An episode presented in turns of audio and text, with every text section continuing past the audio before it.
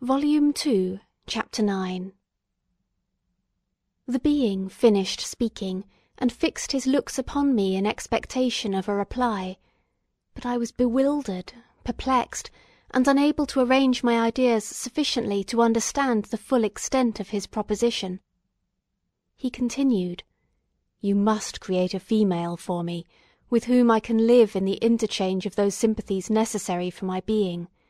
This you alone can do, and I demand it of you, as a right which you must not refuse to concede." The latter part of his tale had kindled anew in me the anger that had died away while he narrated his peaceful life among the cottagers, and as he said this I could no longer suppress the rage that burned within me. "I do refuse it," I replied, "and no torture shall ever extort a consent from me. You may render me the most miserable of men, but you shall never make me base in my own eyes. Shall I create another like yourself, whose joint wickedness might desolate the world? Begone! I have answered you. You may torture me, but I will never consent." "You are in the wrong," replied the fiend, "and, instead of threatening, I am content to reason with you. I am malicious because I am miserable. Am I not shunned and hated by all mankind? You, my Creator, would tear me to pieces, and triumph. Remember that, and tell me why I should pity man more than he pities me. You would not call it murder if you could precipitate me into one of those ice rifts, and destroy my frame, the work of your own hands. Shall I respect man when he condemns me? Let him live with me in the interchange of kindness, and instead of injury I would bestow every benefit upon him with tears of gratitude at his acceptance. But that cannot be. The human senses are insurmountable barriers to our union. Yet mine shall not be the submission of abject slavery. I will revenge my injuries. If I cannot inspire love, I will cause fear, and chiefly towards you, my arch enemy, because, my Creator, do I swear inextinguishable hatred. Have a care, I will work at your destruction, nor finish until I desolate your heart, so that you curse the hour of your birth. A fiendish rage animated him as he said this. His face was wrinkled into contortions too horrible for human eyes to behold, but presently he calmed himself and proceeded. I intended to reason. This passion is detrimental to me, for you do not reflect that you are the cause of its excess. If any being felt emotions of benevolence towards me, should return them a hundred and a hundredfold, for that one creature's sake I would make peace with the whole kind. But I now indulge in dreams of bliss that cannot be realized. What I ask of is reasonable and moderate. I demand a creature of another sex but as hideous as myself. The gratification is small, but it is all that I can receive, and it shall content me. It is true we shall be monsters, cut off from all the world, but on that account we shall be more attached to one another.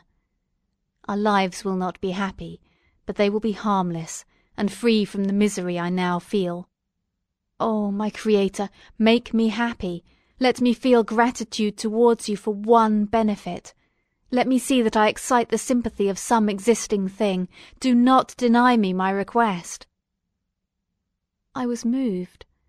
I shuddered when I thought of the possible consequences of my consent, but I felt that there was some justice in his argument.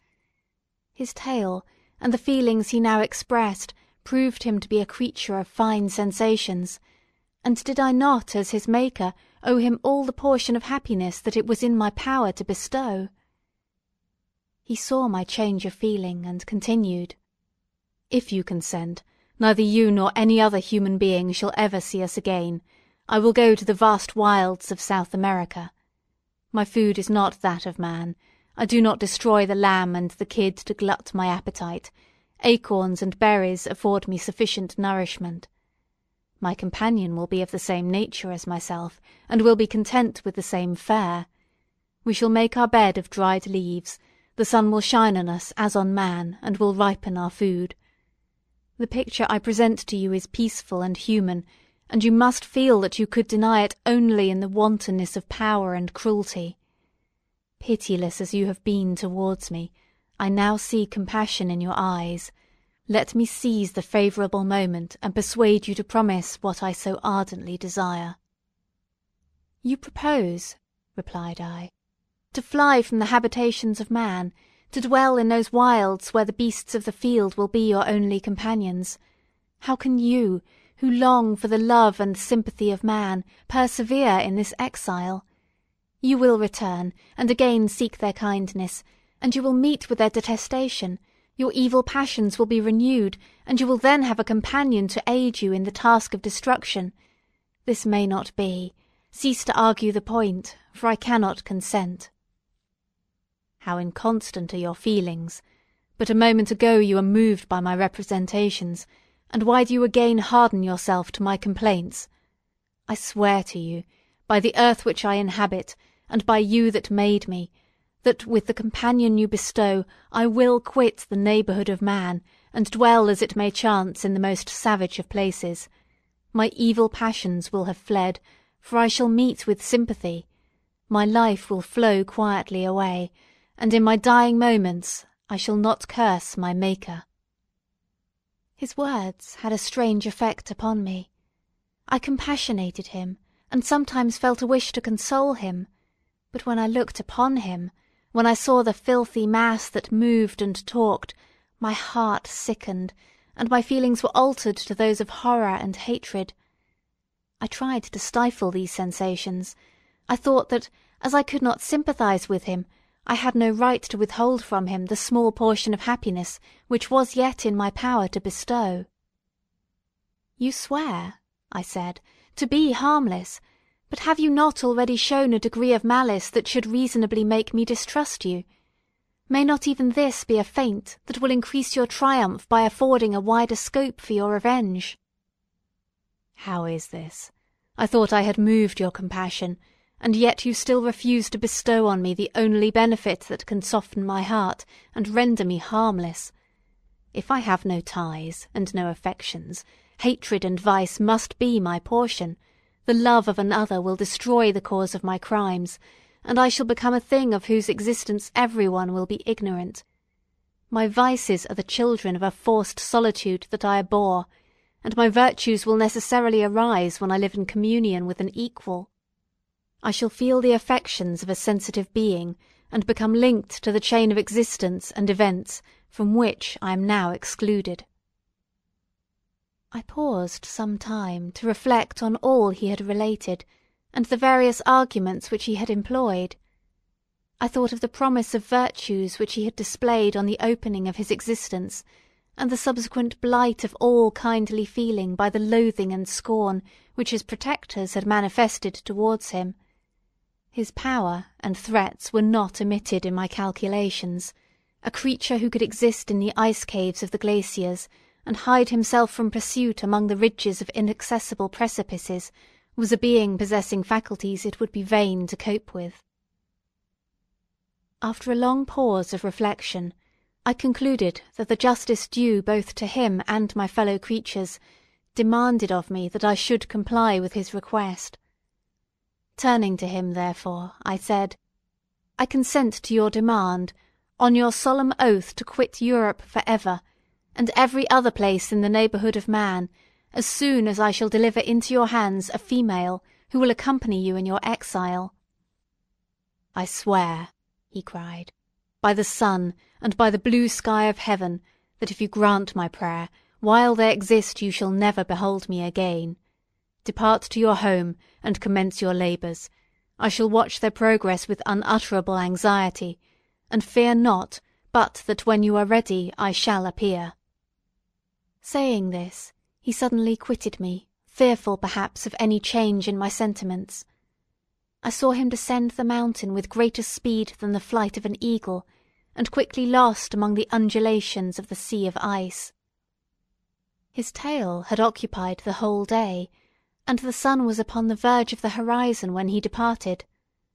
I knew that I ought to hasten my descent towards the valley, as I should soon be encompassed in darkness, but my heart was heavy and my steps slow.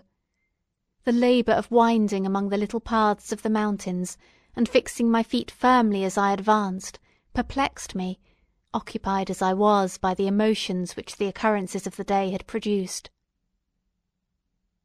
Night was far advanced when I came to the half-way resting place and seated myself beside the fountain. The stars shone at intervals, as the clouds passed from over them, the dark pines rose before me, and every here and there a broken tree lay on the ground. It was a scene of wonderful solemnity, and stirred strange thoughts within me. I wept bitterly, and clasping my hands in agony, I exclaimed, O stars and clouds and winds, ye are all about to mock me. If ye really pity me, crush sensation and memory. Let me become as naught. But if not, depart, leave me in darkness. These were wild and miserable thoughts, but I cannot describe to you how the eternal twinkling of the stars weighed upon me, and how I listened to every blast of wind as if it were a dull, ugly siroc on its way to consume me. Morning dawned before I arrived at the village of Chamounix, but my presence, so haggard and strange, hardly calmed the fears of my family, who had waited the whole night in anxious expectation of my return. The following day we returned to Geneva. The intention of my father in coming had been to divert my mind, and to restore me to my lost tranquillity, but the medicine had been fatal. And, unable to account for the excess of misery I appeared to suffer, he hastened to return home, hoping the quiet and monotony of a domestic life would by degrees alleviate my sufferings from whatsoever cause they might spring. For myself, I was passive in all their arrangements, and the gentle affection of my beloved Elizabeth was inadequate to draw me from the depth of my despair.